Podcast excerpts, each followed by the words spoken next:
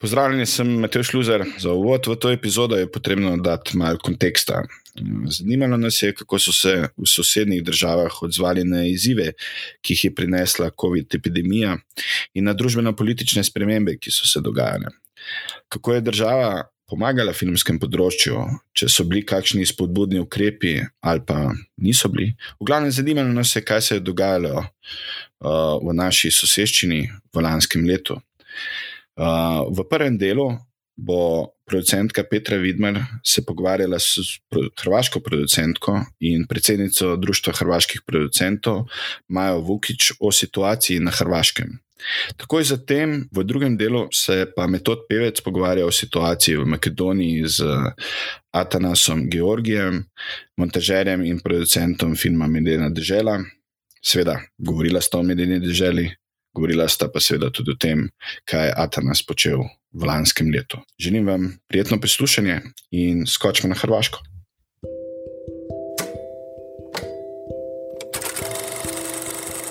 Dobrodošli v podkastu Filmarije, podkastu Društva slovenskih režiserjev. Z vami sem tokrat Petra Vidmar in moderatorka današnje epizode z naslovom Jugo izkušnje, ki bo govorila o snemanju za čas COVID-a, podpori in razumevanju, ki so jih izkusili naši kolegi na Hrvaškem v teh najtežjih letih za AV.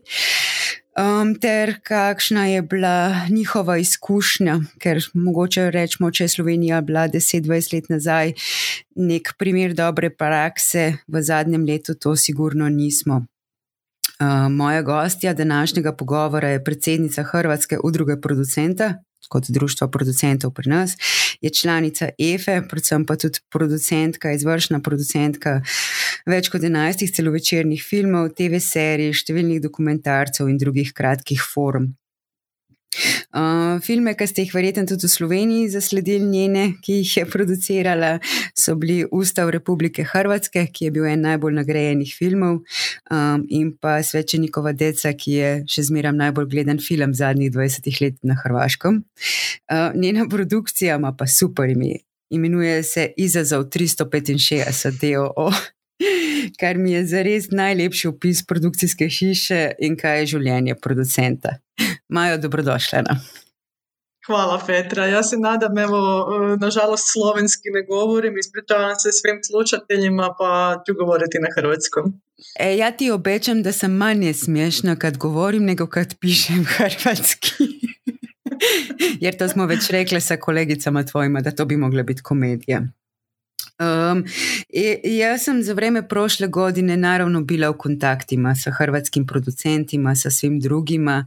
Pričali smo o tome šta radimo, kako ne radimo, kako sve online radimo i to. Uh, I mm, veoma nas je iznenadilo kako barem prema tome što smo mi vidjeli, kako je Hrvatska bila brza uh, u tome da razumije kakvi će biti uslovi za vaš rad, eh, da će biti potrebna pomoć industriji, da će biti potrebne poticaji posebni i to. Eh, pa, pa ja sam htjela zapravo započeti ovako taj razgovor. Kako ste se vi zaista osjetili? mislim, kakav je bio osjećaj u Hrvatskoj kad je sve to počelo, kad su bio prvi lockdown i to i kako je bilo vaše iskustvo? Evo ja sam jučer i danas malo podsjećajući se svega što se dogodilo, zapravo to počelo pred malo više od godinu dana, otišla u jedan vremeplov u ožujak 2020. godine i e, da, opet sam osjetila što smo svi e, osjetili tada. E, naravno, svi smo osjetili prvo, kao prvo jedan veliki rez nagli prekid e, svih e, aktivnosti, to je bilo zajedničko apsolutno svima e, u Europi. Ja sam konkretno u tom trenutku bila u pripremi snimanja četvrte sezone dramske serije Crno-bijeli svijet koju smo radili za Hrvatsku radio televiziju.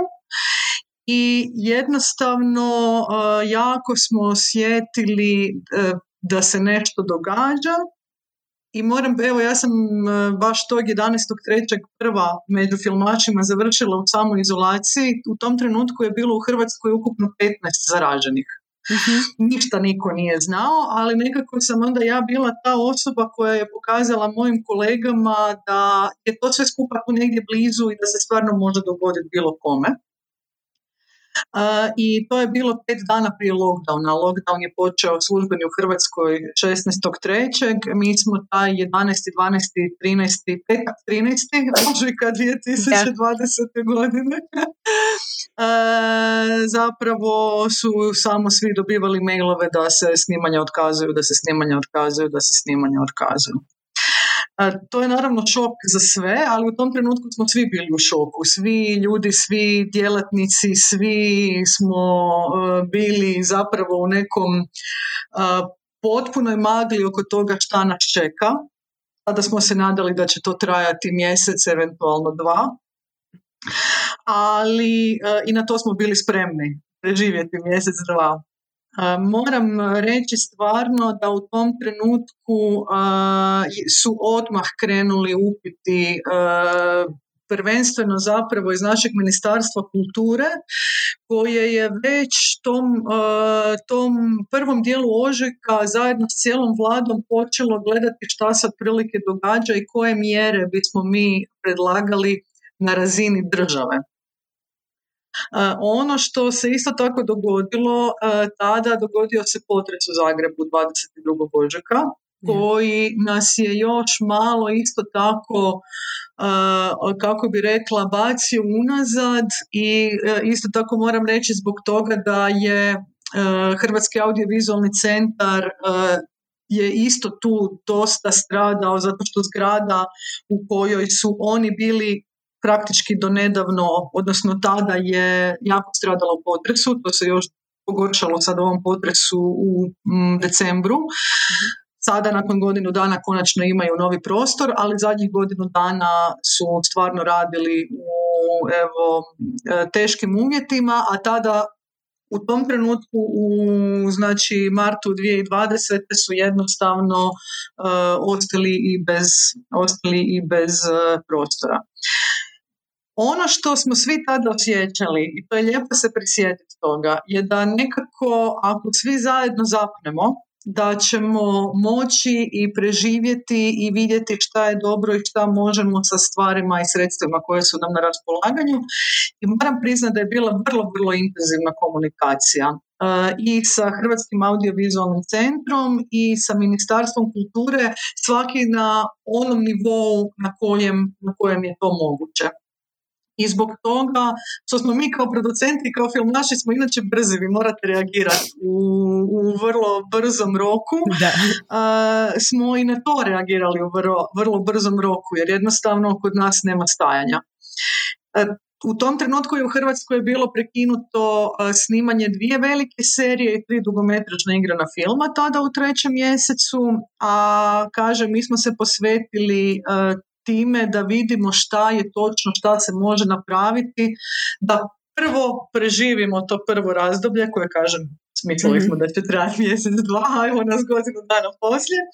I onda da vidimo šta će se događati kasnije, zato što smo svi bili svjesni da će nova bolest e, stvoriti nove uvjete, ne samo e, druženja, nego e, druženja susreta u smislu kod nas znači i načina na koji se snima i koliko si blizu možemo prići, doći, koliko, kako možemo raditi, nego da će jako utjecati i na financije pogotovo zbog toga što se e, film u Europi prvenstveno financira, odnosno sufinancira iz javnih novaca, a bilo je jasno da će javna, javna sredstva biti preusmjerena na druga mjesta.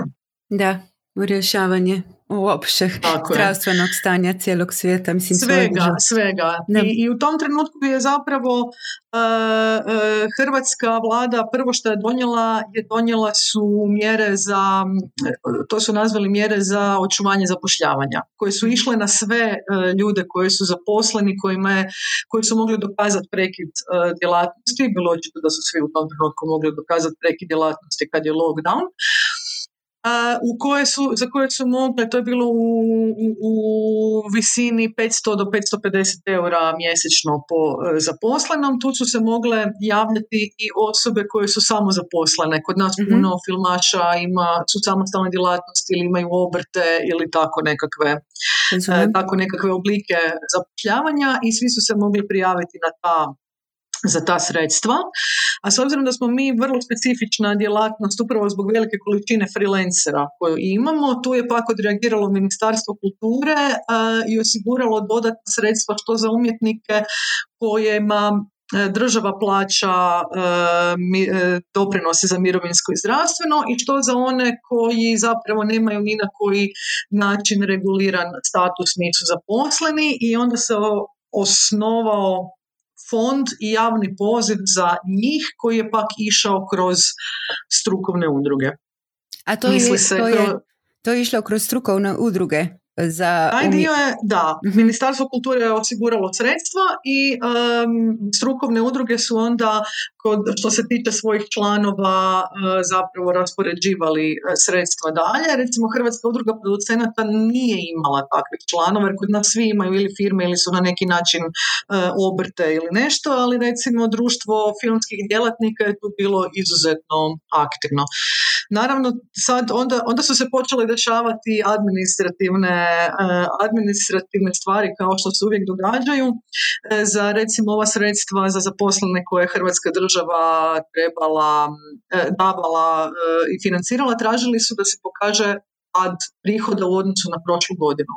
Da. A znate da mi filmači dobivamo honorare tako sporadično. Onda se neko ne, desilo da je upravo u tom trećem mjesecu mu je sjeo honorar iz desetog mjeseca prošle godine pa nije bio eligible ili je pak prošle godine te mjesece nije, je imao nula kuna zato što mu je naravno došao neki veći honorar za dva mjeseca ili tri u srpnju. Ja sam konkretno dobila odgovor da ne mogu dokazati pad prihoda zato što imam ove godine u trećem mjesecu nula kuna i prošle godine u trećem mjesecu nula kuna, pa tu nije pad. Mislim, birokracija je takva kakva je. E, tako da pokušavali smo se s tim izboriti, a sigurna sam da je znam, pričala sam s kolegama ovo što je išlo kroz, e, kroz strukovne udruge, da su u nekom trenutku oni smatrali to nedostatnim zato što su to bile, ne znam, jednokratna pomoć u e, lipnju i srpnju i onda ponovno je sad bila jednokratna pomoć u prosincu, odnosno decembru i januaru ove godine. Naravno, radilo se, kada gledamo sad iz ovog kada gledamo sad iz, ovog, e, e, iz ove perspektive, znamo da je jednokratna pomoć u, u svibnju nije nešto što će nekog do prosinca održati na životu, ali u svibnju kad smo mislili da će biti gotovo za mjesec dana je to bilo to je bila velika, velika stvar. kažem, stvarno su i Ministarstvo kulture i HAVC tu jako, jako veliku veliku podršku odigrali.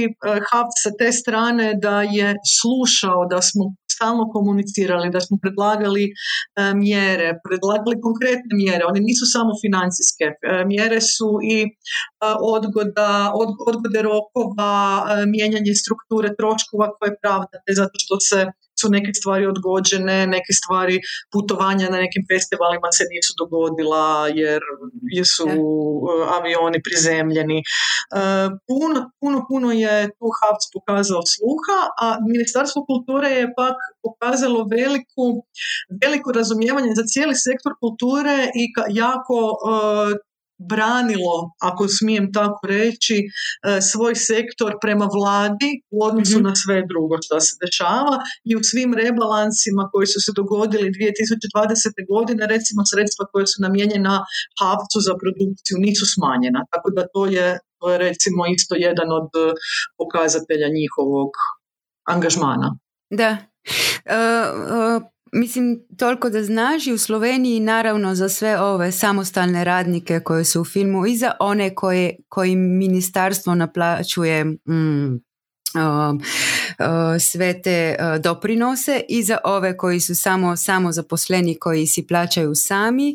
Mi smo dobili ovaj kao mjesečni temeljni prihod za, i, ali isto morali smo prikazivati smanjenje u trećom za razliku od drugog mjeseca, pa isto smo tu imali, mislim isto smo tu imali kolege te, uh, probleme jer kako kažemo mi smo u ratama, mi nismo na mjesečnim Tako je. plaćama i to, je- to je bilo strašno teško, ali um, to što sam čula tebe baš ono istopila bi se što se tiče koliko se brani kulturu jer kod nas um, nije bilo baš to, mislim i ovi samozaposleni koji imaju o, doprinos u države došli su na red tek kasnije i sve to, tako da o, baš, baš mi je lijepo to čut, da se razumije da je to to, jer je to i ne, nešto je za nacionalnu kulturu, a nešto je doprinos svje- svjetski koji to da o, o, film vaš svijetu i tako dalje, tako da odlično, sviđa mi se, pozdravljam minis- ministra kulture ili ne znam um, i- Ministrica je, Da, ministrica ministrica je. i, i Havc kažem isto, da, jel? i direktor Havca, da. Jer Da. on, neku, neku stvar koju sam isto vidjela je za to vrijeme vi ste uh, prešli na sasvim digitalno, ste mogli sve predat Havcu, je. prijaviti se na Havci. Uh, Mislim, to je, to je vjerojatno nešto što će možda i ostati još kasnije, da li su vidjeli da su neke stvari sada lakše postignu, što je, ne znam, online aplikacija za konkurse ili bilo šta tako. Pa sigurno će se neke stvari e, olakšati, da se mogu online i neki dokumenti e, su shvatili da se mogu online, da ne moramo ići ne znam u poreznu po neku potvrdu, nego postoji nekakvi, nekakvi izvaci. To će nam sigurno sad e, sve olakšati i nadam se da će, da će ostati neke, ono što zovemo dobre prakse, da će, nam, da će nam ostati, jer mislim nema smisla da trošimo vrijeme i papir, Da. ali evo s obzirom da Evropska unija je za idući financijski period rekla da moramo digitalno i zeleno poslovati, sigurna sam da ćemo, da ćemo E. sve raditi online i dalje.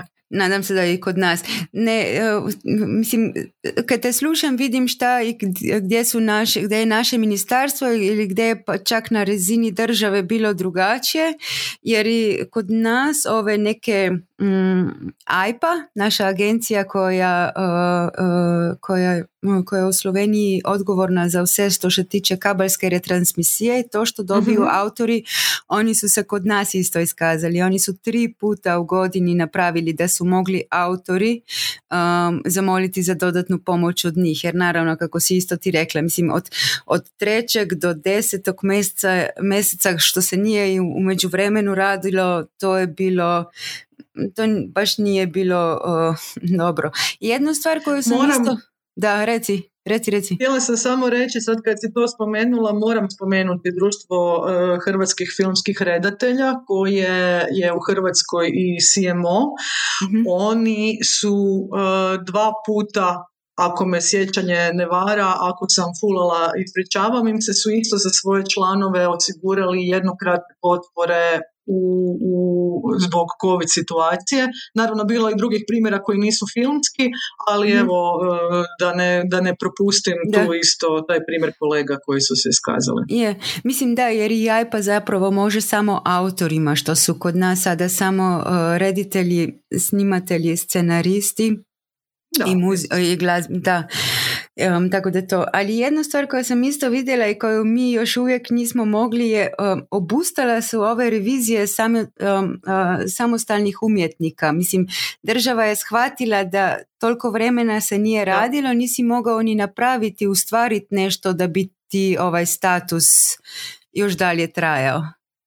Tako je, to, su, to je isto jedna od mjera koje je odmah e, Ministarstvo kulture e, napravilo, tako da na, stvarno se išlo na to da se na neki način prepozna situacija i kako na koga utječe, da se olakšaju e, stvari i ne dovode se ljudi u e, nepotreban rizik. Moramo biti svjesni da prije godinu dana smo mi drugačije mislili i znali nešto o situaciji o virusu nego što znamo danas i puno smo bili oprezni, nažalost sad smo manje oprezni, ali dobro, to je sad e, druga priča. E, i stvarno se išlo prema tome da se stvari olakšaju i to je jedna od situacija koja je prepoznata i da se ne dovode, da upravo to da se ne bi dogodilo da možda neko nije, nije radio i sad ne, da se sad ne otežava situacija koja je ovako i onako teška. Moram reći da je Ministarstvo kulture raspisalo još nekoliko natječaja tijekom prošle godine koji nisu konkretno vezane samo uz AV, e, ali su se AV djelatnici mogli prijaviti, koji su malo širi, koji su vezani e, uz poduzetništvo u kulturi, koje je konkretno e, imalo veze za prilagodbu za COVID mhm. uvjete i za kako su to nazvali kulturu online, znači da se na neki način kultura može prebaciti online da bude i dostupna e, gledateljima. E, kažem, to je puno šire od AV-a, ali su neki ljudi koji su, koji su vezani uz AV-a, mi smo svi vezani, nama su i glumci su dio našeg, našeg svijeta, a vrlo često su nam i scenografi i kostimografi ljudi koji su isto tako vezani i uz druge vrste likovnih e, aktivnosti, tako da naš nas je uvijek teško odvojiti tako da su evo još ta neka, još ta neka dodatni natječaj su e, raspisani kako bi se pomoglo. Naravno, ono što uvijek se može postaviti pitanje e, je koliko smo uspješni u sa svim tim stvarima koliko smo uspješni s jedne strane u prevladavanju trenutne situacije i koliko smo se uspješno pripremamo za sljedeću situaciju, bila to 2021. 2022. ne znamo još kako će ta situacija biti i koliko zapravo je to sve skupa stvarno efikasno. To su, to su neke stvari koje sad se upravo provodi jedna, jedna studija oko toga da E, e, dobijemo svi skupa dojam šta se zapravo događa. Nama je bilo jednostavno, mi nemamo puno, kako smo male zemlje, mi i Slovenija, nema puno producenata. I mi smo vrlo lako mogli u 48 sati dobiti feedback od svih naših producenata koji, na, koji kažu i koliko, koji su nam projekti zaustavljeni, šta im je došlo u pitanje, e, da li već sada imaju neke planove, s obzirom da nas je malo i, i naviknuti smo brzo komunicirati, to je, to je relativno e, brzo E, dobiti takve informacije. Ono što je teže kad se ide na, kad se to okrupnjuje, kad mi idemo e, prema Ministarstvu kulture koje već gleda kulturu šire ili prema cijeloj državi gdje smo onda jedan relativno mali e, dio, onda na neki način se usporediti i staviti u, u kako bi rekla u odnose sa svim drugim ljudima koje evo, isto nisu, ne živimo, niko nije u bajnoj situaciji. Ne? Ne, razumem. Um, jer um, drugu stvar, koju sam je činila kod vas, je da kada su ovi filmi, za koje si rekla da su prekinuli snimanje u trećem, ova se, uh, serije tri, dva filma dugometražna, kada su počeli opet snimati? Kada su nastavili? Da, za filmove nisam sigurna, zato što za jedan znam da je sigurno odgođen na duže, jer su mu trebale snima, treba snimati u bolnicama što sad ne može i tako. Da. Tako da za filmove jedan je taj završen, ali bio tada još, ali serije, znači e, to su bile Crno-bijeli svijet i Dnevnik malog perice koji je sad mm se emitira. Mi smo krenuli jedni i drugi, ja mislim u razmaku od dan dva i to je bio 13. 6. 15. 6. znači sredina juna. Razumem. Onog trenutka kada smo mi zapravo mogli uh, sredinom maja krenuti ne, nešto raditi, smo se bacili u, u pripreme kako bi mogli ići snimati dalje. Mislim, odnosno početi sa snimanjem, jer smo bili svjesni da su jedno i drugo su duge serije. Mi smo imali 100 snimajućeg dana, oni su imali planirani, ja mislim, 80 cijelo vrijeme smo svi bili u kontaktu. Kako je vaše iskustvo, e, jel ti testiraš, kako rješavaš ovo, kako rješavaš ono, u hodu smo jedni drugima pomagali, tako da smo stvarno bili informirani jedni drugima, a pogotovo što smo dijelili recimo glumce, jel, glumci vrlo često e, glume, a i neke, neke članove ekipe i tako. Uh-huh. tako da ono što smo bili svjesni je da moramo krenuti što ranije snimati kako bi izbjegli taj jesenski val koji se očekivao i koji se i dogodio na kraju. tako da taj morali smo krenuti što ranije, krenuli smo 15.5. u pripreme, aproksimiram 15. juna u snimanje, a 15. juna i u Hrvatskoj mi smo imali tada 0,1, zaraženi. To je doslovno bilo, doslovno je bilo sad evo, bit će, sve će biti dobro u tom trenutku, jedno, jedno ozračje puno optimizma. Naravno, to je već za deset dana došlo do sto i onda do, do kraja e, septembra smo bili na nekoliko tri tisuće ili koliko. Ne. A, ali I, ljeto je drugačije.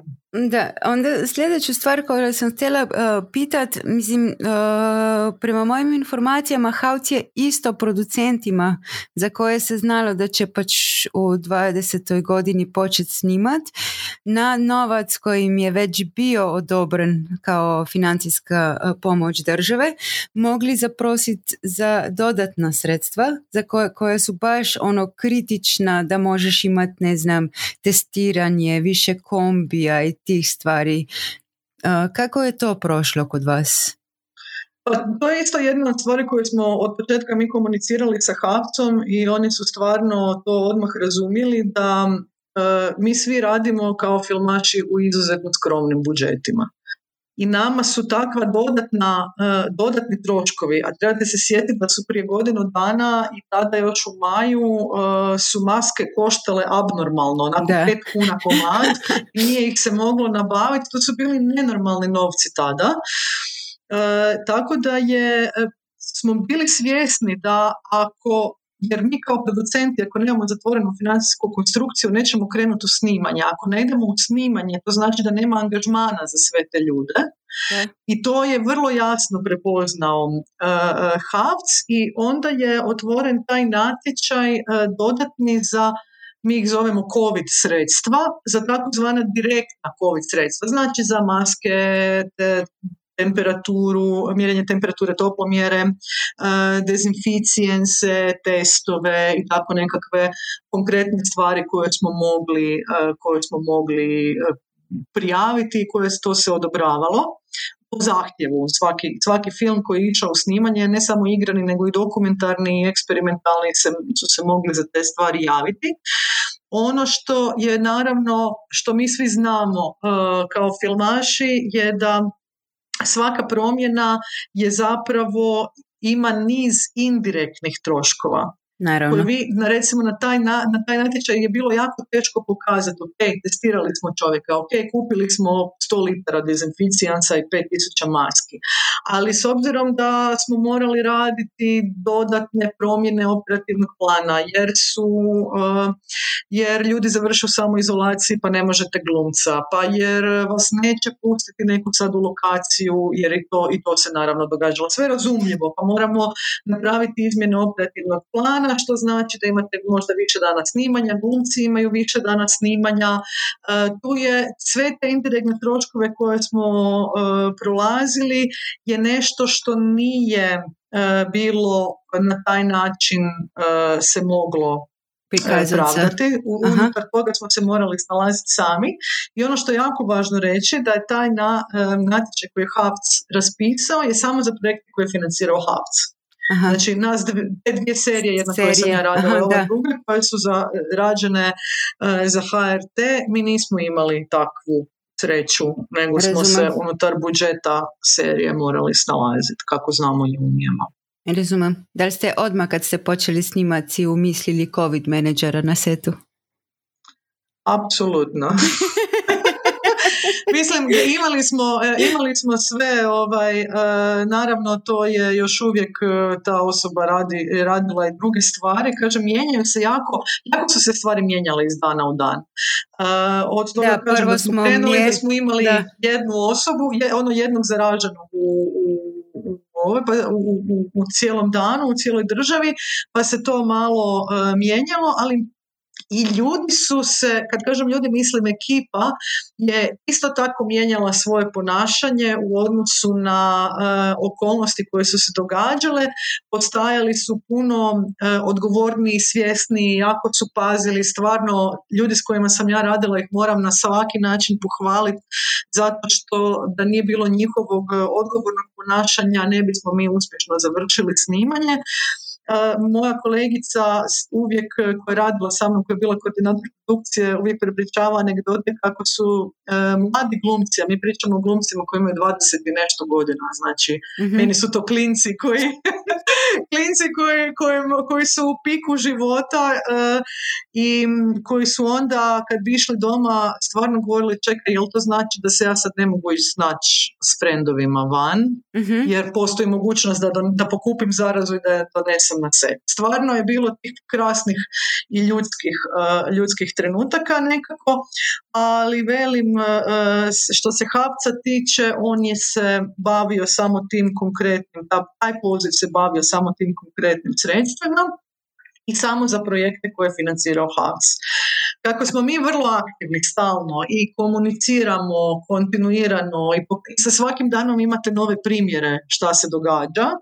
Da. E, primjerice, mi smo imali e, glumca koji je e, bio iz, iz Beograda, Slaven Došlo, je imao dosta veliku ulogu u crno-bijelom svijetu i onda znači vi iz dana u dan pratite mjere i znali smo da se zatvara granica tipa tu noć ili sutra u ponoć i ako dođe preko sutra onda će morati ići dva tjedna u karantenu i neće stići na taj termin koji smo znatno napravili križiku sa sto glumaca jedan jedini dan kad to možemo snimat. Nazvali smo ga i rekli Slaven takva i takva je situacija, sjedaj u auto, da, da. Ne, sasvim te razumijem. bio dva mjeseca u Hrvatskoj, stvarno. Ne, ja, ja te razumijem. Ja sam krajem osmog mjeseca zapravo snimala nešto u Hrvatskoj. I to je bilo baš, znaš, ono prije, prije početka škola i to. I ne znam, morali bi početi snimanje u petak, mislim, jedan dan samo, pa onda natrag, ali onda našu kaže, ako neko ide iz države u petak i ako se vraća odmah u subotu ili u nedjelju, ide u karantenu, nećemo ga ništa pitat, ovakve da. gluposti. Je, I upravo mi smo izgubili jednog glumca slovenskog koji nam je bilo bi nam vrlo drago da je e, snimao, ali baš u to doba, kraj osmog, početak devetog, je Slovenija uvela to da bi on morao kad se vrati, bez obzira na sve biti u karanteni, a zbog drugih obaveza to nije mogao. E, da, mislim, to su sve realnosti s kojima se mi, e, s kojima smo se e, svi skupa susretali. Ovaj, ali onda, ali to je bila... stalno, da, uprosti, uprosti. Ne, ali to je baš bilo to i kod nas se toliko mijenjalo. Svaki četvrtak slušali smo šta će biti, kojih će biti nova pravila, kako idemo preko. Mislim, jer ja sam ist, mislim i da sam vratila cijelu ekipu ona preko vikenda. Mislim, došao mi doktor na pak da smo se testirali, da kad smo došli u subotu na granicu, svi smo već imali na telefoni. Mislim, takve neke stvari, više sam se bavila covidom nego produkcijom. Kao, mislim, to sam vidjela i kod osoblja kod nas u produkciji, na, mislim, da je potrebno bilo se ojačati jer, jer zaista nismo mogli više sa tom ekipom koja je bila sve to riješiti uh, do kraja. se bilo jačati, tako je, i to je sve skupa donijelo i dodatni stres svima. Naš posao je inače stresan sam po sebi, a sada na jedan put još imamo tu jednu veliku veliki oblak i veliki, ne, ne želim nazvati teret, ali svijest, tu jednu veliku svijest da zapravo moramo na naći način kako da to što radimo napravimo tako da što manje bude šanse da netko, e, da netko se zarazi ili da se prenese jer e, znate i sami mi imamo, mi imamo na, snimamo, snimamo na lokacijama kod ljudi doma, imamo statiste, e, mislim toliko, toliko je fluktuacija da je jednostavno se stvari neminovno događaju, a u sve to skupa da na neki način što više zaštitimo uh, jedni druge. taj stres je bio dosta, dosta visok, ja sam to jako osjetila kod uh, cijele ekipe. Ali moram priznati da su se jako dobro nosili i stvarno hvala na tome. Ali kako uh, na seriji ko, ovu koju ste snimali, mhm. kako, kakav ste imali protokol? Da li ste imali redovita testiranja ili re, samo temperatura i testiranje ako je neko prikazao neke simptome, kakav je bio vaš protokol za vrijeme snimanja serije? Znači, mi smo imali, e, samo da se vratim par koraka unazad, e, Hrvatski zavod za javno zdravstvo je propisao neke opća e, pravila. Protokole kako da se e, stvari kako da se stvari rade koje su bile vezane i za snimanja. I još smo mi u, pod koordinacijom Havca e, znači filmski djelatnici producenti napravili jedan protokol e, kako, o postupanju na samom setu mm kojeg smo se stvarno, evo koliko god uh, smo mogli, uh, stvarno smo ga se držali. On je, uh, on je zapravo, prvenstveno je bilo to da su naravno svi koji su dolazili, vodila se evidencija i svi su potpisivali izjave i govorili da li su bili u kontaktu s nekim ili su bili u inozemstvu. To je nešto što se provodilo svakodnevno mjerila se temperatura kontinuirano e, svima na ulazu e, i e, jako smo pazili u ovim stvarima koje su rizičnije, a to je recimo šminka i garderoba, pogotovo kad su statisti u pitanju. Znači, ja sad nekako kronološki kroz dan razmišljam, jel? Jer prvo ujutro dođe šminka i garderoba, statista, tako da smo jako pazili da recimo glumci imaju svoju garderobu gdje se preslače i da budu uh, odvojeni od statista. Statisti i glumci se nikad nisu vozili u istim vozilima. To je isto nešto što smo jako, jako, e, znači da se statisti uvijek voze od ostatka ekipe, jer nažalost, evo to su ljudi koje ne poznamo i sigurna sam da su oni svi jako pazili, jer svi paze na sebe, ali naša je odgovornost nekako E, takva. E, testirali smo u trenutku kada je to bilo nužno, Znači, to su bile situacije ili kada bi netko morao prelaziti granicu ili svi koji su dolazili izvana, to smo obavezno uh testirali. Da, jer smo imali glumci, glumci iz Bosne, glumci iz Srbije, e, glumci iz Slovenije, nažalost, da. nismo imali.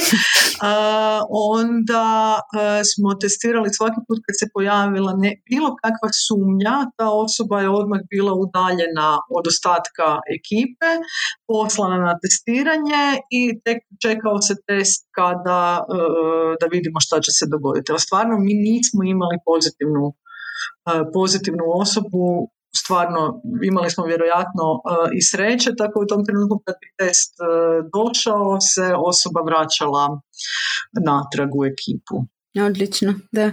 Je, je, mi, mi, mi, smo kao producenti naravno osigurali sve ono što treba, uvijek je bilo rukavice, sa maski, to je bilo po, u svakoj sobi, u svakom kombiju, e, nevjerojatne količine ne. toga. Kada je trebalo čišćenja, Mhm. Znači, čišćenja su se naravno radila stalno, plus još posebno neke lokacije su tražile baš dezinfekciju, pa se radilo, e, pa se radilo i to. Pazili smo, pazili smo na, na stvari kao što su e, catering i craft, dakle catering da isključivo bude pakiran e, u ove kao zasebni obroci i e, evo trudili smo se oko toga da ako su, ako su nekakve e, kako se poslužuju ne znam ono što imate ujutro kava, čaj, kiflice mm o, oko tih nekih stvari smo pazili. Ali moram, najviše se zapravo pazilo na to na, čisto, na maske, razmak i e, stalnu higijenu ruku je super da ste tako dobro prošli da niste imali baš na setu zaražene osobe da. jer bi onda stalo sigurno na neko vrijeme da, sve. Da, da. Um, bilo je takvih slučajeva u drugim, drugim ekipama, ali uh, to se to jednostavno ne govorimo jer ne želimo se toga sjećati. ne. E, onda, ne, ali mm, mislim, da, kako si rekla, za serije niste imali te novce koji su bili za dugometražne i druge filme od Havca, ali barem to su i dobili. Mislim, u Sloveniji je, uh, slušamo o tom dodatnom COVID novcu, već godinu dana nemamo još ni jednog eura. Ali što se snimanja tiče, koliko je bilo, mislim, u Sloveniji se prošlo godine snimao samo jedan cijeli dugometražni film. Jedan je počeo i zaustavio se. Radila se nekako produkcija, ali to nije bilo snimanje u Sloveniji. Jedino što se snimalo u Sloveniji, ono, snimalo, snimalo su bile serije koje su imale studio ili možda neki spotovi reklame, ali ono nije bilo filmska, film, mislim, ovo dokumentarci, manje to, ali da bi bio ili servis neki film ili da bi bio dugoslovenački film, toga baš, baš nije bilo. I ja ne znam koliko je kod vas, ne znam u procentima to palo, jer ja kod nas mogu reći ono 90-95. Da, uvijek je teško reći uh, baratati s tim brojkama zato što nikad ne znaš koliko je stvarno bilo planirano. Pa je to, Naravno, je kod nas isto uvijek komplikacija oko zatvaranja budžeta, dostupnosti glumaca, lokacija i svega. Ali zapravo, kad, zapravo se radilo dosta, dakle, jer su se snimile tri serije, mm sad govorimo o dramskim serijama, znači tri serije, ja bi rekla ovako iz glave e, tri i pol filma, pol zato što ima jedan film koji je, ima ljeto i zimu kao godišnja doba pa je bio e, ljeto sniman. mm čak je, naravno, potpuno druga priča ovo što televizije imaju sapunice u studijima ili takve nekakve formate, to je, to je išlo i o tome nemam zapravo puno, e, puno saznanja, najmanje saznanja imamo reklamama osim što znam da je, da je to palo. Uh, ali to tek je nemoguće reći koliko zato što je nikad ne znate do dva dana prije ko radi reklame, otprilike zna da je to tak.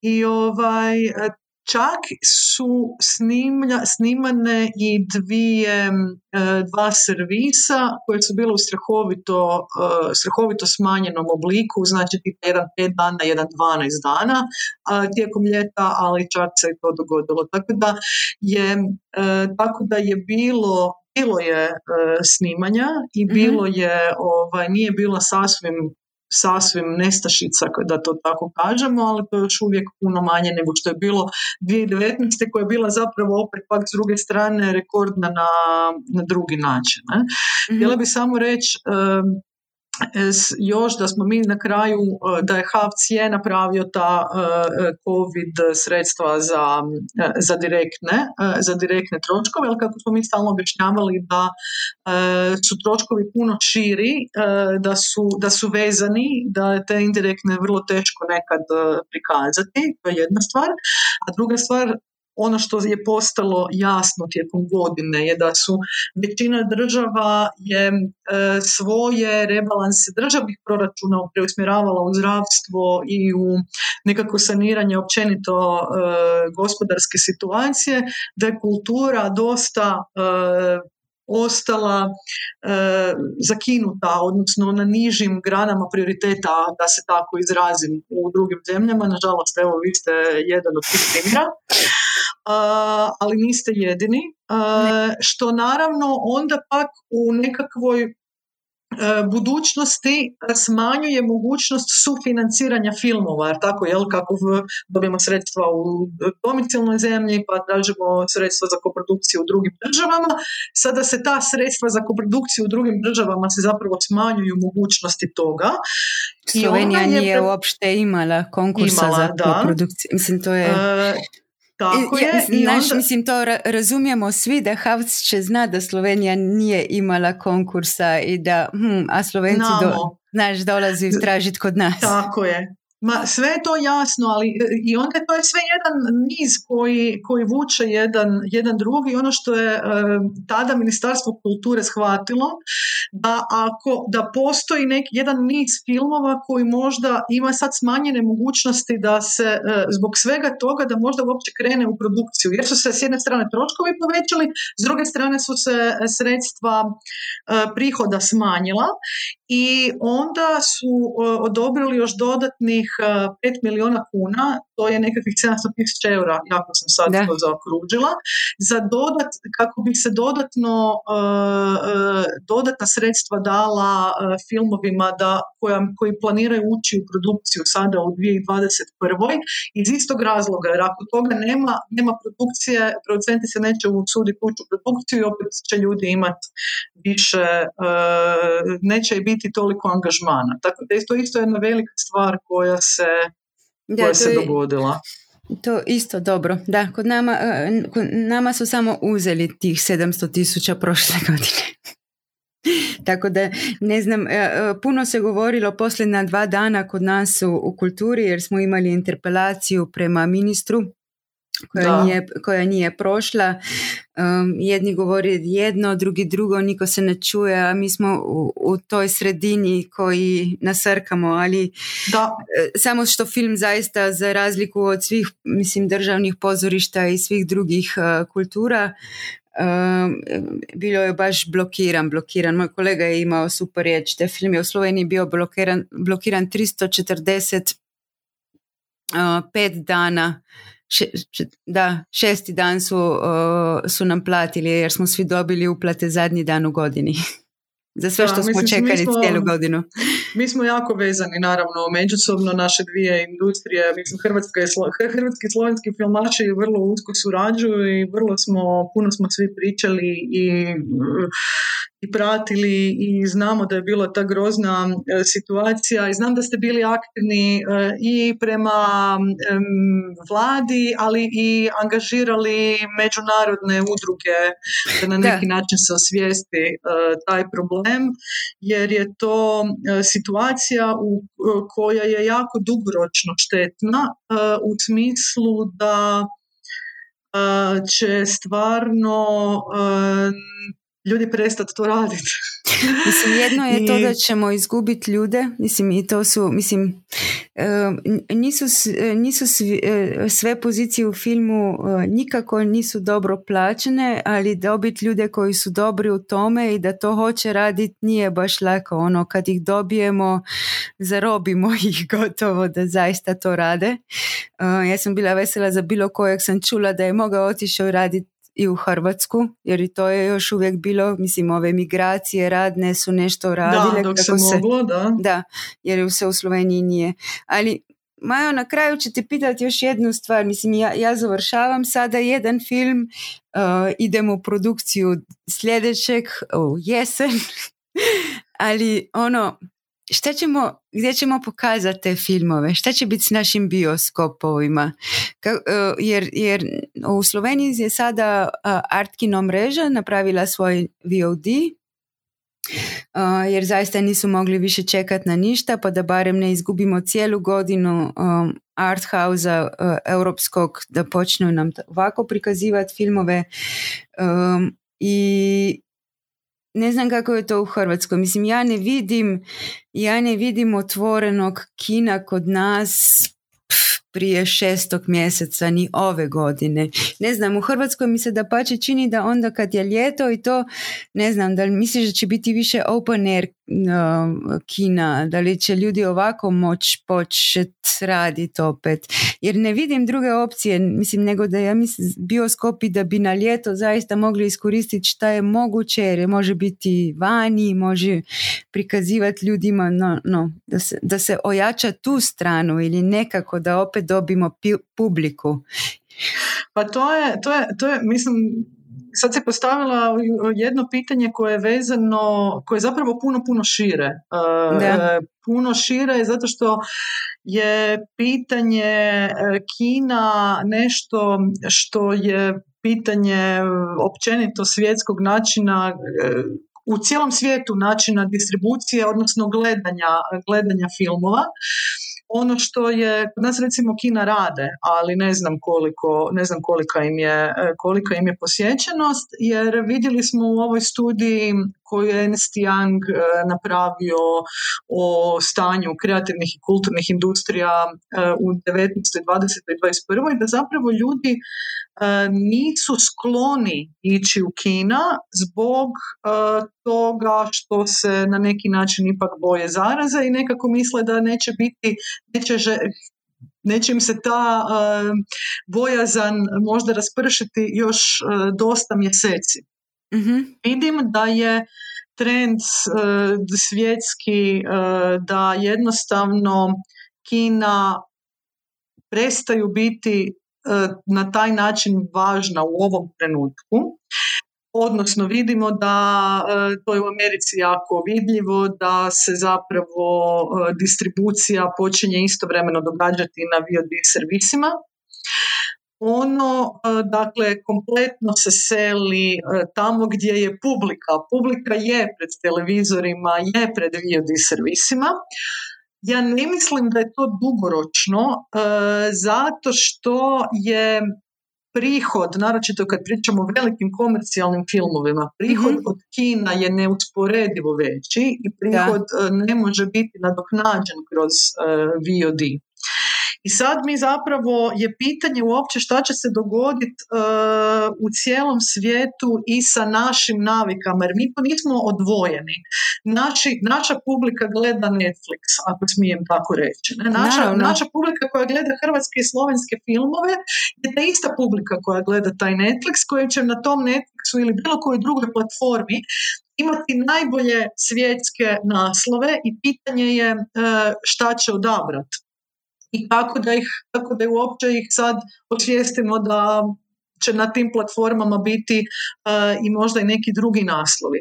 Ako idemo u otvaranje što se događa, malih, malih specijaliziranih VOD servisa koji su specijalizirani za evropske ili tako nekakve filmove, mi imamo, uh, mi imamo za kratki film Croatian Film, uh, imamo Kino Europa HR koji zapravo ono što distribuira što je nekad prikazivao u kinu sada stavlja na VOD.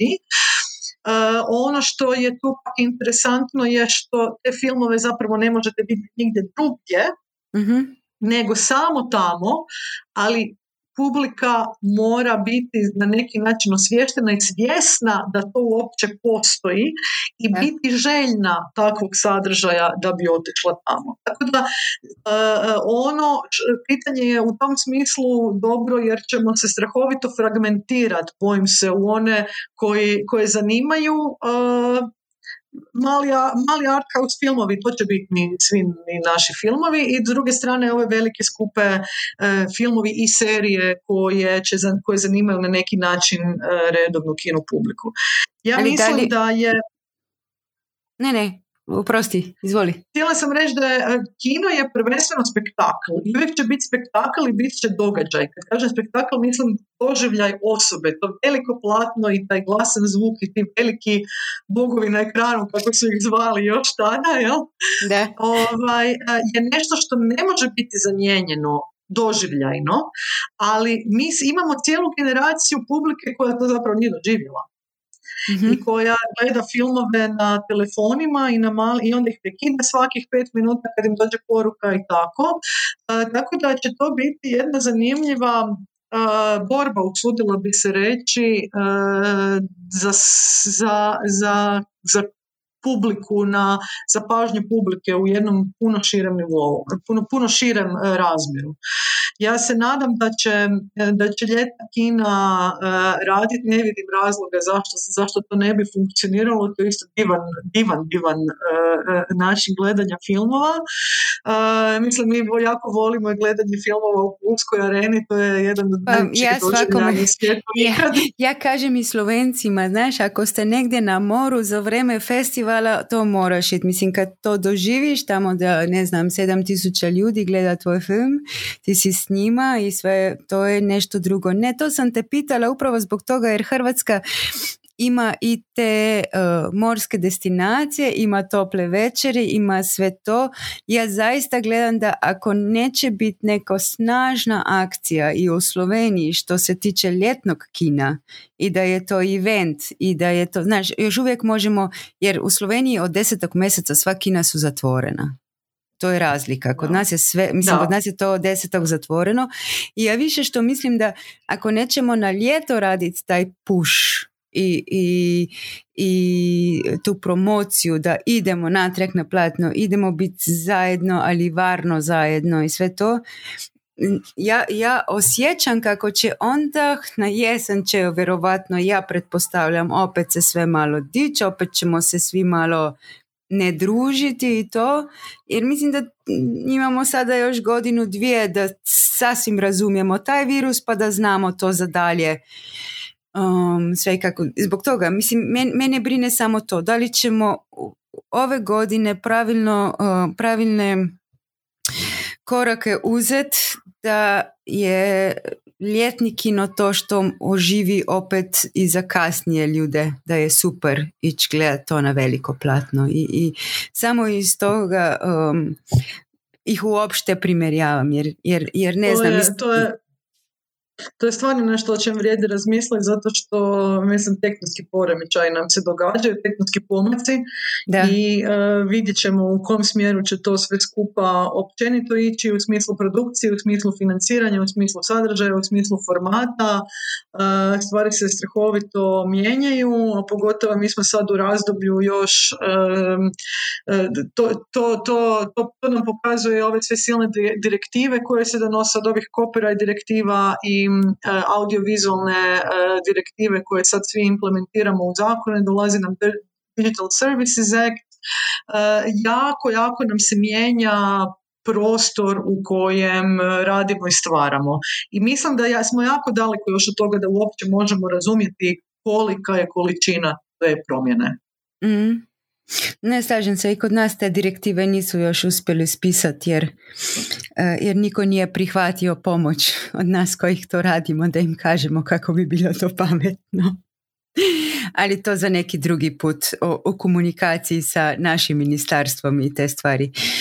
Maja, ja sam zaista vesela da smo nas dvoje ovaj petak, jedna u jednoj kuhinji, druga u drugi kuhinji, imale taj sat vremena da, da, da će i slušatelji čut kako je bilo, kako je raditi negdje gdje barem imaš nekog koji razgovara s tabom i, i koliko je to vjerovatno značilo vama kao filmašima da imate ljude s kojima možete koji možete objasniti situacije i nekako doći do, do rezultata da bi bilo lakše. Ja mislim da nema drugog, mi ne možemo nikako drugčije nego ako svi skupa radimo zajedno i to stvarno ide od, velim, od ministrice kulture eh, koja je pokazala razumijevanje do zadnjeg zadnjeg, zadnjeg čovjeka na setu koji je, a nijedan nije zadnji, ne želim ni, svi, meni su svi filmski djelatnici jednaki prvi, svi su moji, ali sva, i svaki od njih koji je pokazao e, stvarno i razumijevanje i odgovornost i sve, jer svega je tu bilo od toga da su ljudi bili svjesni da, odnosno imali su negdje u glavi da je možda to sad ko zna kad će raditi idući put, jel? mm Ako sad ne rade e, i, i kad će imati idući prihod, jako je ta situacija nezgodna svima nama i mislim da jedino ako surađujemo i ako slušamo jedne druge da ju možemo premostiti. Da, super. E, e, ja se nadam da će um, Slovenija i Hrvatska um, koproducirati još, još mnogo i mnogo da će sam da će jer, ja, jer je mislim da niko nije svjesan kako smo mi filmski radniki zaista zajedno od uvijek, nikad nismo imali neke stavke između nas. Nikad um, ne, i uvijek radimo i studiramo i koliko je slovenskih filmača na Zagrebačkoj akademiji završilo, naročito montažera i snimatelja, tako da svi se poznamo i studirali smo uglavnom Imam, Imamo snimatelje generacija koji su nam došli. da. Super. Ništa, hvala još jednom. Um, ja se nadam da će ja se nadam da i neko ko mora slušat, eh, slušat ovaj naš razgovor da vidi da se sa razgovorom može mnogo više. Tako da, uh, uh, draga filmarija, to je bil za danes tale naš pogovor za predsednico uh, Društva producentov Hrvaške, uh, ki je mal podelila svoje izkušnje, kaj pomeni pač sodelovanje države, da se filmski svet nadaljuje in kaj pomeni, če jo ni, to pa ne ve, to pa vemo žal samo mi. Hvala lepa. Adijo. Pozdrav. Atanas Georgijev je vsestranski makedonski filmski ustvarjalec, režiser, montažer in filmski producent. Z njim se bom pogovarjal med odpevec. Name je padla ta prijetna naloga, ker sva nedavno sodelovala pri koprodukcijskem filmu Jaz sem Frank, kjer je bil Atanas oblikovalec zvoka. Minulo leto je postal njegov film Medena država, Honeyland, svetovna dokumentaristična uspešnica. Film je bil veliki zmagovalec festivala Sundance, dvojni kandidat za Oscarja v kategoriji dokumentarnih in tujezičnih filmov, se pravi v konkurenci z globalnim hitom Parazit. Pri Medeni državi je bil Atanas producent in montažer. Brez njega tega filma praktično ne bi bilo. Pogovarjala se bomo o jeziku, ki je doma v prostorih med Slovenijo in Makedonijo, zato se seveda upravičujem vsem, ki bi zaradi te ovire imeli težave z razumevanjem. Atanas, dober dan. Dober dan, kako ste, drago mi je. Dobro smo, nadamo se, da si ti dobro, da ste vi dobro, da smo vsi dobro, da je film dobro, in tako dalje. Ali da krenemo od, da krenemo nekde od Hanlanda, kako ćemo drugačije. Pomenuo sam Oscare, pomenuo sam Sundance, ali reci nam malo gde je putovao taj film, kako je živeo, koji su mu bili festivali osim tog Sundance-a i Oscarova i tako.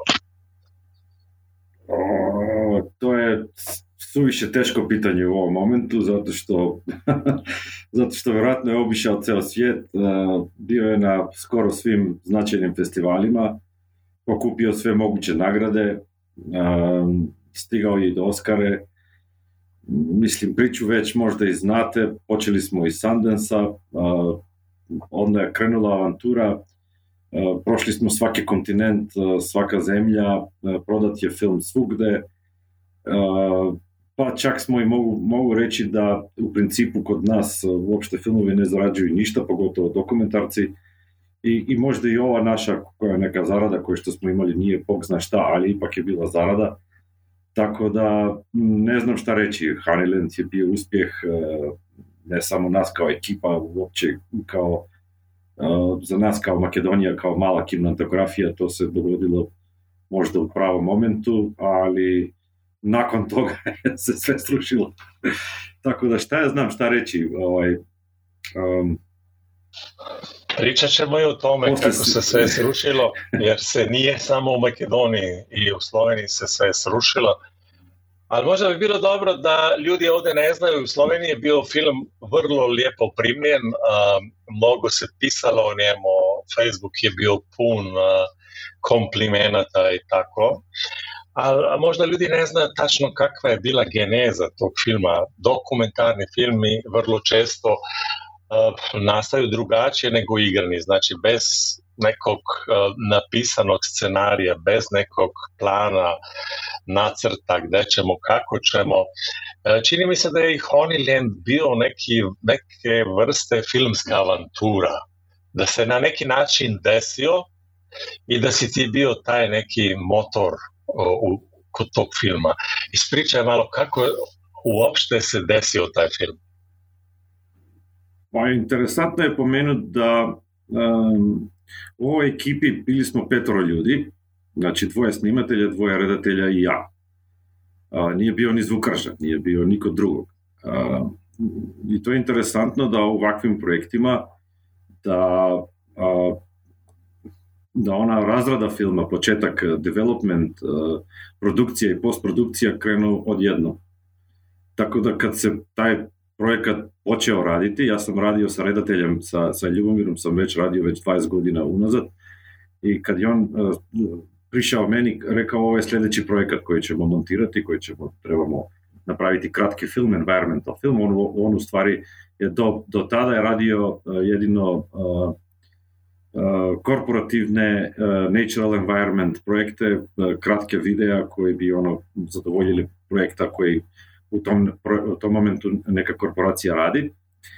I, i bio iskosan, bio veoma iskosan u tome. I kad je došao sa tim novim projektom, u stvari um, odmah smo svi saznali da to ne sme biti kao kratki igrani petminutni projekat, i u stvari ono, uložili smo puno u toga. Taj početak filma koji je trebao biti pet minuta je nestao i polako smo došli do, do ideju da, da u stvari ovo mora biti veći igrani film, da su karakteri nevjerojatni, da je drama između njih uh, svakako nesvakidašna i, i da tu ima ogromnog potencijala. Uh, kako smo došli do kraja filma, to je bilo prava avantura, to je tačno. Uh, ali u svakom slučaju je nešto što pravi ovog filma da bude tako interesantan i, i, i neobičan je upravo ta ekipa od pet ljudi. Dvoje snimatelja, dvoje redatelja, svi su kao uh, sa prvim iskustvom u igranim filmovima, koji sam jedino možda ja imao uh, iskustvo sa, sa određenim uh, dugometražnim filmovima. I ono, priča je sazdala se, um, kako bi rekao sad, nije to samo u, u, u montaži, ali je počela verovatno to, to, to da je počelo sve paralelno, to je dalo da, da možemo i, i puno toga pripremiti, da vidimo šta nam treba, pa da se vratimo na snimanje i tako dalje. E, to je jedino moguće kod dokumentaraca sa, manjim, sa manjom ekipom. Tako da imali smo nešto koje je, da, da. upravo sve pružilo. Ali, da, ali interesantno, znači imati taj osjećaj da neka tema, da neki materijal nosi taj potencijal koji se onda poslije desio. Jesi bio siguran od početka da ima taj potencijal u materijalu, da ima ta tema, da ima nešto više od običnog? Da ste odmah pa, znao i si sumnjao, kako? Pa sama priča da dve žene, ma, majka i kćer, žive u, negdje u nedođiji, bez struje vode i svim, e, sve ostale civilizacijske e, stvari koje mi imamo. I to, je već mitološka priča. Znači, kćer koja se stara o svojoj majci koja je na samrti, već to ima puno toga. Ali u momentu kad smo saznali da da, da postoji još neko, da su tu deca tamo, su neka deca, mislim, nismo imali pojma šta je i ko su ti ljudi i tako dalje, a da kćer a, neće biti nikad postat mama, to je već postalo kao jedno veliko intrigantno pitanje, to je pogotovo za dokumentaristima, to je nešto što odmah se neko uhvati u tome. I, i napokon zna, film je i onako i počeo da bude projekat environmental projekat koji je bio puno toga, toga priči oko meda i oko autohtonog proizvod, proizvodstva meda. Med i pčele su u stvari zaokružili tu priču. I tako da je postala socijalne priče, postala je uh, environmental very important story, kako bi rekli. Da. I onda smo već znali da, da tu ima ogromnog potencijala. I, i možda najinteresantnije pomenuti, postoje tu Eh, puno priče i anegdota, ali najinteresantnije je o tome da uh, protagonisti su, su bili uh, Juruci, to je, uh, to je jedna to je pleme od, od zaostalo turske zajednice, tako da mi nismo uopšte pričali taj jezik, mi nismo razumeli šta, šta oni pričaju. Znači, to je bilo stvarno otkrivanje šta se sve dogodilo kad smo počeli preveđivati taj materijal. I nevjerovatna je situacija da ono kad smo počeli u montaži, mi u stvari smo zamišljali da bi oni mogli pričati o tome ili o ovome. Na kraju kad je stiš, stigao transkript, u stvari sve je bilo unutra. Um, to se redko događa, vjerovatno je bilo nekih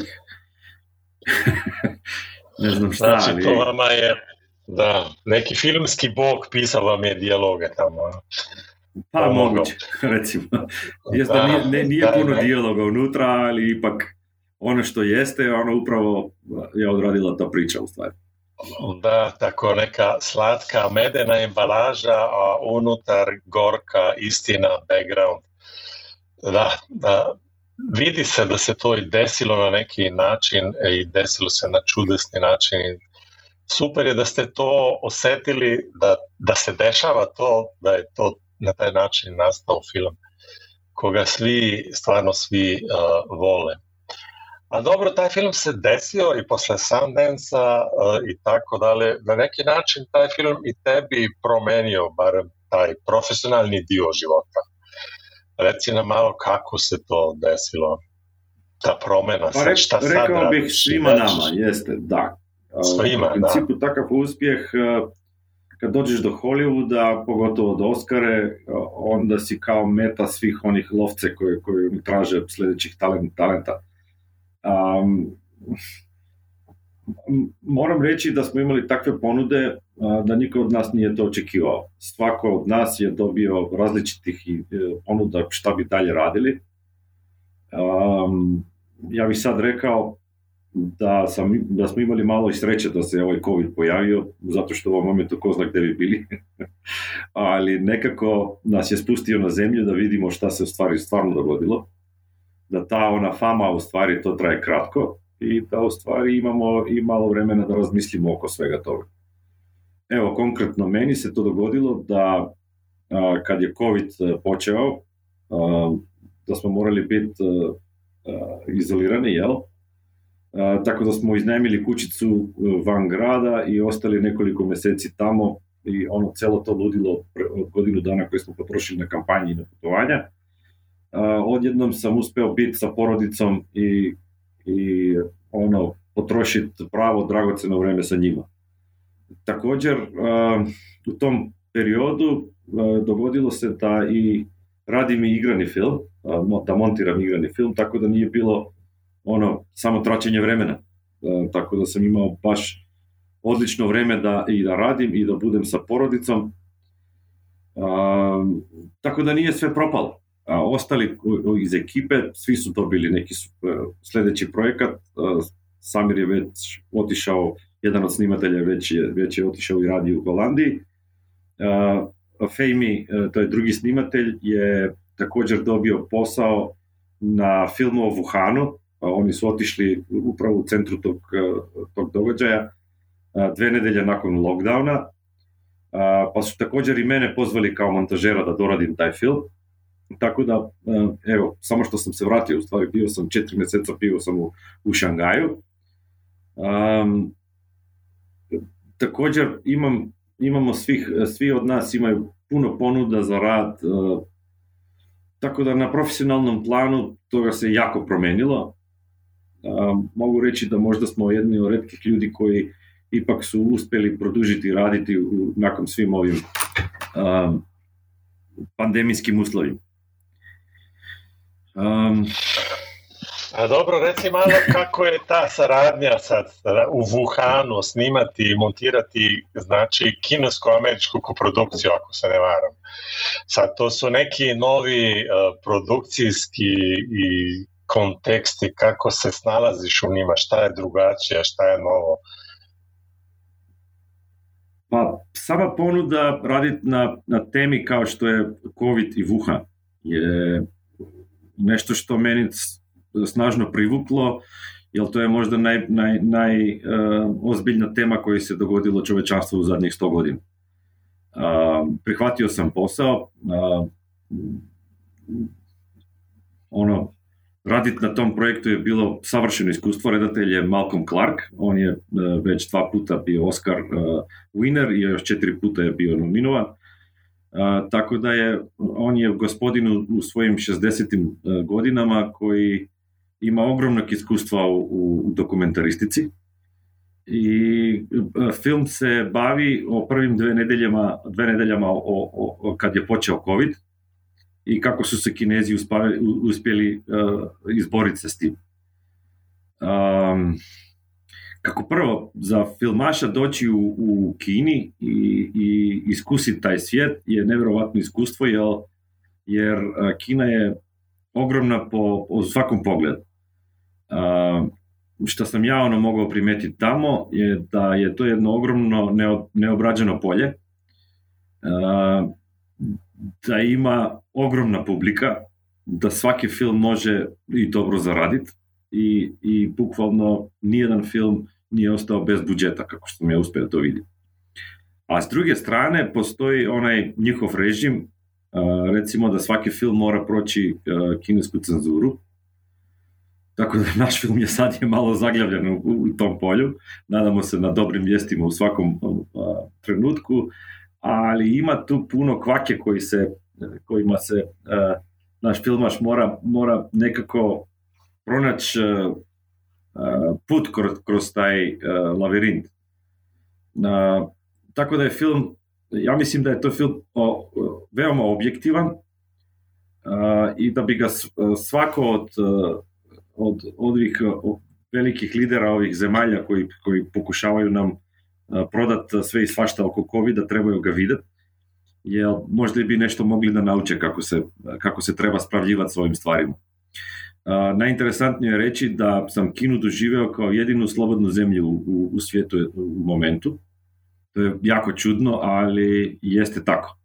Zato što u principu ono što sam ja shvatio da nemaju kriminal nikakav, da je to skoro uh, ne postoji. I onako doživeo sam je kao Jugoslavija u, u, u uh, 80-ih recimo ili, ili krajem 70-ih. I, I ona cenzura koju, je, koju oni imaju, mi smo nešto slično imali, naravno nije bilo to prava cenzura, ali da autor mora pronaći pravi jezik da bi to prošao tu cenzuru, to je ono nešto što možda je najinspirativnije u, u, u celom ovom stvaru. I, da, tako da morali smo sve to imati na, na, na, na umu da, da moramo se na kraj s tim izbaviti uh, i da moramo upotrebljavati jezik koji je uh, i onako sakriven. Jel? To za, za autore je jako interesantno, iako na kraju sad je jako i, i, i frustrirački da se, da se ono, kad ti dođe cenzorna komisija i kaže ovaj film ne sme proći zato što tu se pominja ovo ili ono, a to se mora promijeniti i boriti se s tim stvarima. Jako interesantno. Dobro, ali reci nam onda, jesi otkrio misteriju covid u, preko tog filma? Šta je to bilo? Šta se desilo? Sad... Pa nema misterije, virus se pojavio, mislim, eto ga, prisutan je. Svugdje vidimo nije, koje znači, su posljedice. Nije veštački, nije iz laboratorija. Pa film se ne bavi tim, iako za sad nema nikakvih faktičkih podataka da je izašao iz laboratorija, to su sve špekulacije. Uh, fake news radi odlično, uh, fake news je napravio da u stvari je Kina kao odgovorna za sve te stvari, a u stvari Kina je samo bila više spremna od svih ostalih. I je stvarno pokazala kako, kako treba. Uh, nažalost, uh, proći će dosta vreme da se to uh, neli, uh, sazna kako treba, ali u principu stvarno su se odlično spravili s ovim. Um, Dobro, a kako su oni uspjeli zapravo što mi nikako ne možemo uspjeti da blokiramo taj virus? Kako su oni to, zbog čega? Kako se to moglo desiti? U čemu je razlika? Je li to disciplina tog kineskog naroda, vlasti? Čega? E, to je, to je neki kolektivni osjećaj uh, zajednice. Um, kad se, kad se dogodi neka elementarna nepogoda, koji mi nemamo.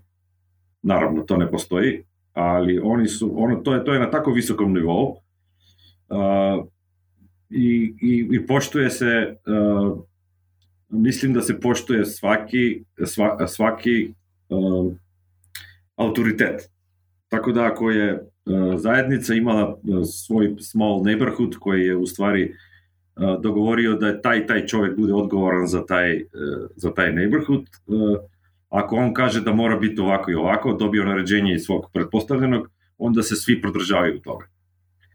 Uh, tako da oni su se jako brzo organizovali, poslali su ogromna, uh, tako reći, vojska dobrovoljaca i uopće i vojska je došla.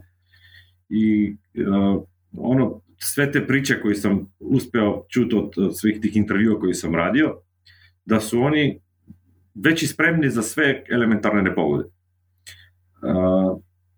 i pokazali su svima u stvari da, da ako svi izdrže recimo 70 dana biti uh, zatvoreni kući, jel, uh, da tu vojska došla i pomogla sa, sa svim potrebnim resursima i sa svojim infrastrukturom, tako da to su oni stvarno rešili brzo potezno. Uh, I to se dogodilo tačno nedelju dana pre, oni su zatvorili dan pre kineske nove godine, koji u principu je najveći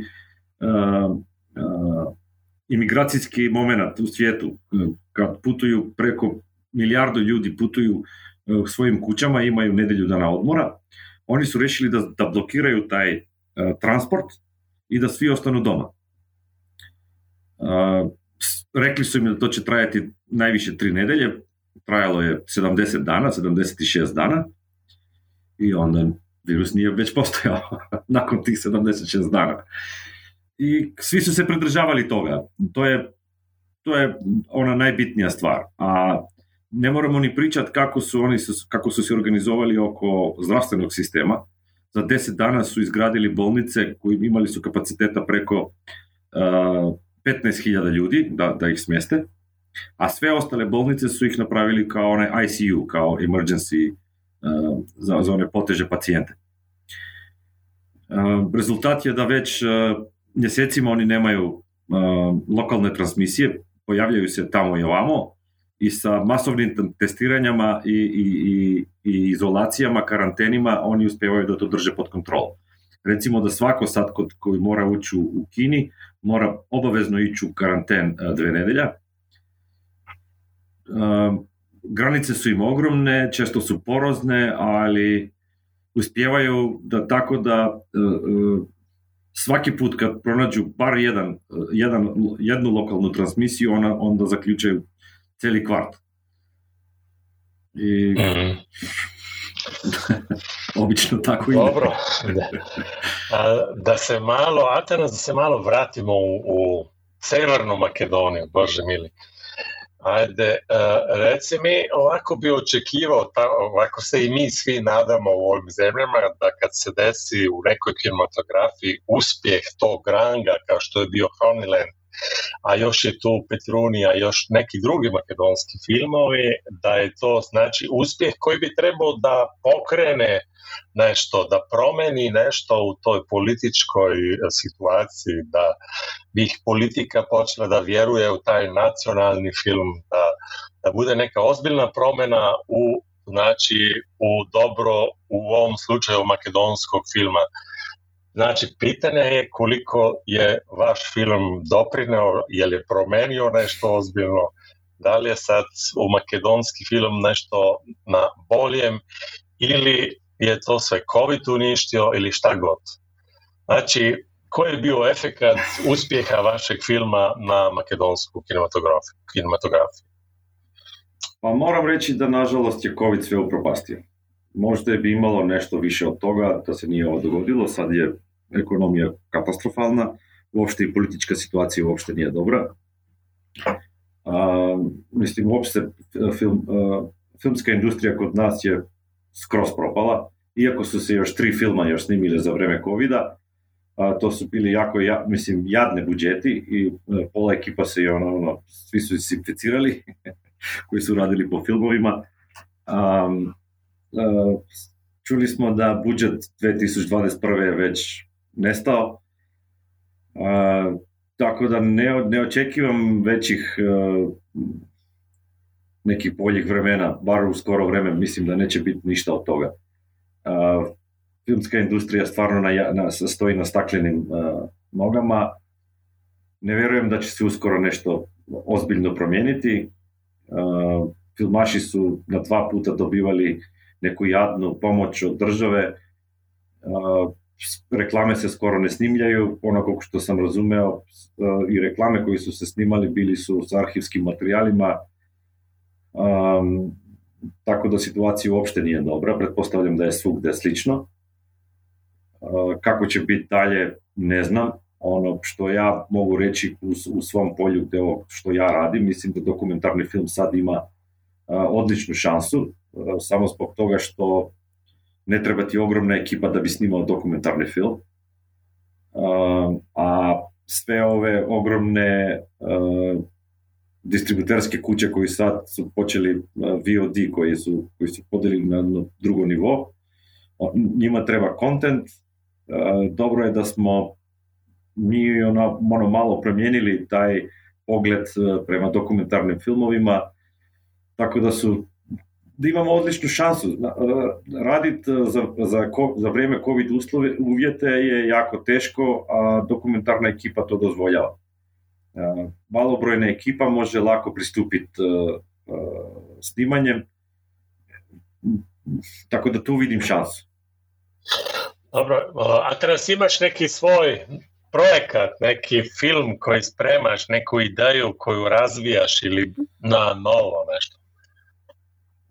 Pa nakon uh, Honeylanda ušao sam, ušao sam u dve koprodukcije. Uh, to su dva dokumentarnih filma. Uh, jedan je uh, antropološka studija ovcama. To je veoma interesantno reći antropološka studija ovcama.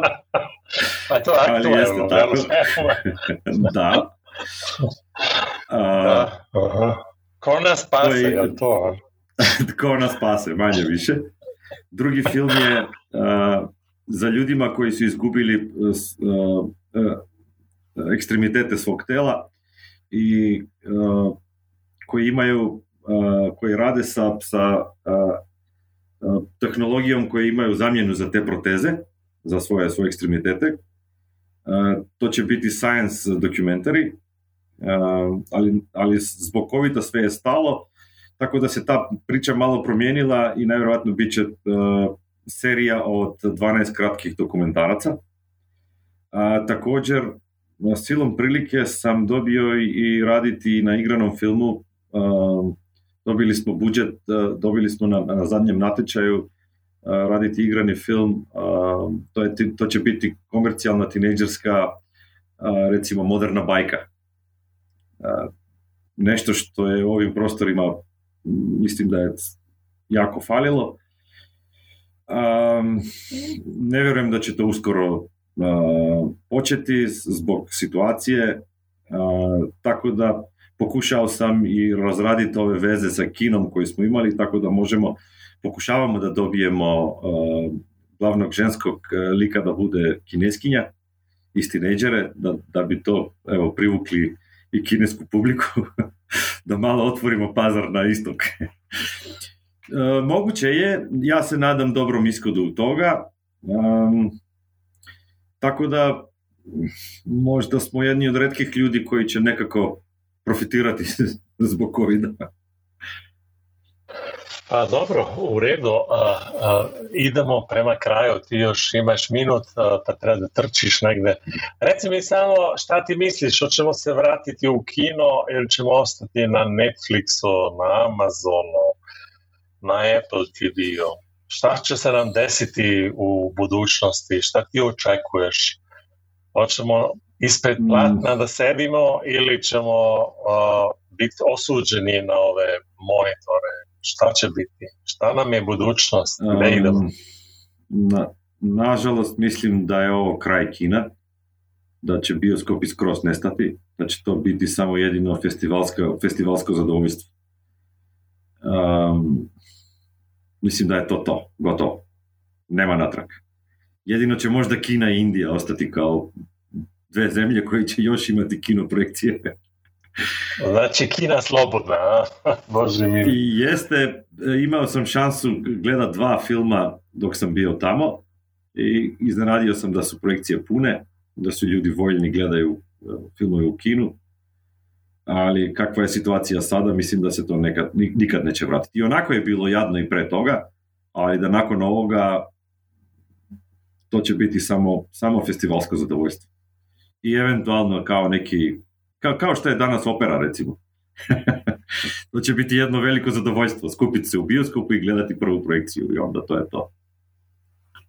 Vjerovatno će postojati uh, male, kino, male kino salice za, za art house filmove, za ljubitela filma, ali, ali ne vjerujem da će se to masovno vratiti natrag u bioskop, nažalost. Šta ćemo ovako tužno završiti, ja? Hoćemo ovako tužno završiti taj Pa, znaš kako, vidi, nije, nije tako loš taj Netflix na kraju krajeva. Svako uh, kući ima svoj uh, home cinema sistem. Um, mislim, nije isto gledat futbal, futbal na, na stadionu i, i kući sa, sa prijateljima, ali ipak i nije tako loše na kraju. Tako da vidjet ćemo. Najgore je što ćemo imati svi samo jedan producent ili par njih. To je najgore. Dobro, to da si uporedio futbal i film na kraju, to je bare malo više optimistično. Imamo nekog jakog velikog brata, ok, futbal i film.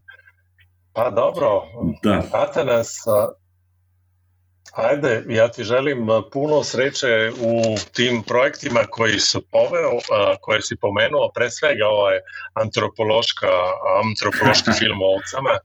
To mi je vrlo blizu, osjećam kao ovako lokalno interesantnu temu. Ako ti treba neki materijal o slovenskim ovcama, ti samo reci u svakom pogledu.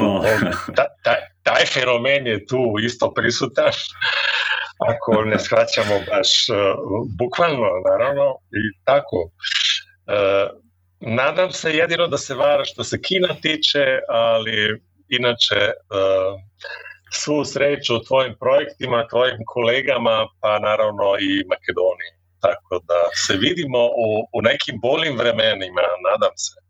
Da se sretnemo uz neki projekat. Tako je, hvala. Ajde, živio. Živio, čao. Pozdrav svima.